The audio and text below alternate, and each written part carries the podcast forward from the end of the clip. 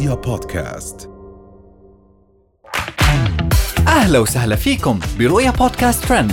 كل إشي بتحتاجوا تعرفوه عن آخر أخبار النجوم والمشاهير وأهم ترند صدر لهذا الأسبوع.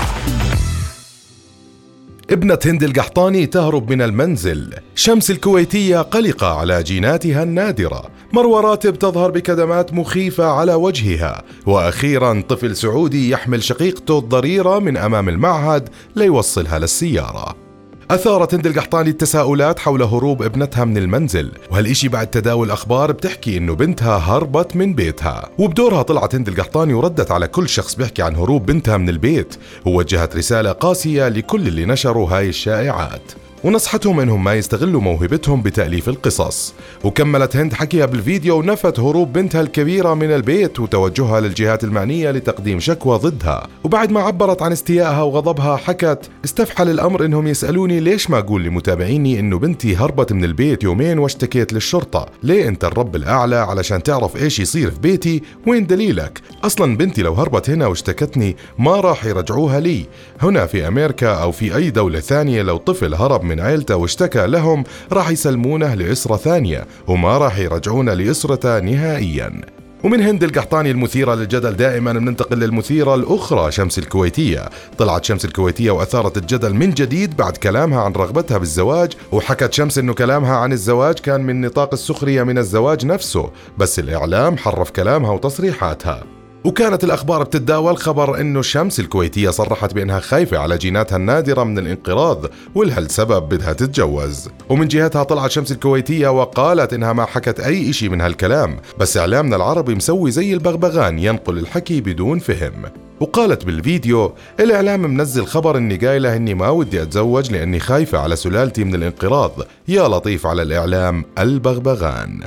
وهسه رح ننتقل من شمس الكويتية لمروة راتب وكلامها وتصريحاتها. ظهرت الفاشينيستا والممثلة السورية مروة راتب للجمهور بوجه بغطي الكدمات بشكل غريب واعتبروا الكثير مخيف كونها المرة الأولى اللي بتطلع فيها على جمهورها بهاي الحالة. وأثار ظهورها التساؤلات والغرابة بسبب الكدمات الزرقاء اللي موجودة على وجهها. وبعد هالصورة اللي نشرتها والمنظر اللي طلع فيه طلعت مرة ثانية بفيديو على الجمهور بتحكي فيه عن اللي صار معها وليش الكدمات كان مغطي وجهها. وقالت بالفيديو عساكم طيبات شفت الموت من يومين صدق أنا معيونة شوفوا لي مطوع يقرأ علي اللي يعرف حد كويس يقول لي مش عايزة ساحر ولا غيره. عايزة مطوع يقرأ علي رقية شرعية لأني صرت معيونة بطريقة غريبة.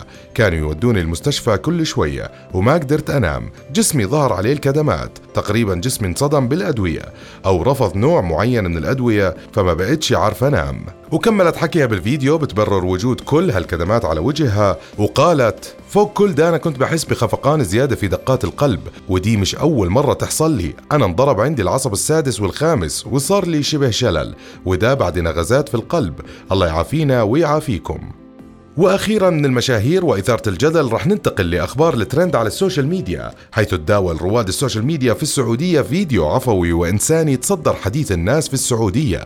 والفيديو عبارة عن موقف عفوي إنساني لطفل سعودي حامل شقيقته الضريرة من أمام معهدها. بعد ما خلصت دوامها لحد ما وصلها للسيارة وهم مروحين للبيت. ولاقى هذا الفيديو ملايين المشاهدات على السوشيال ميديا وعبر المتابعين عن حبهم وفخرهم بهالطفل اللي مستعد يخدم شقيقته الضريرة مهما كلفوا الأمر. وهاي كانت أهم أخبارنا لليوم. بنشوفكم الحلقة الجاي. رؤيا بودكاست.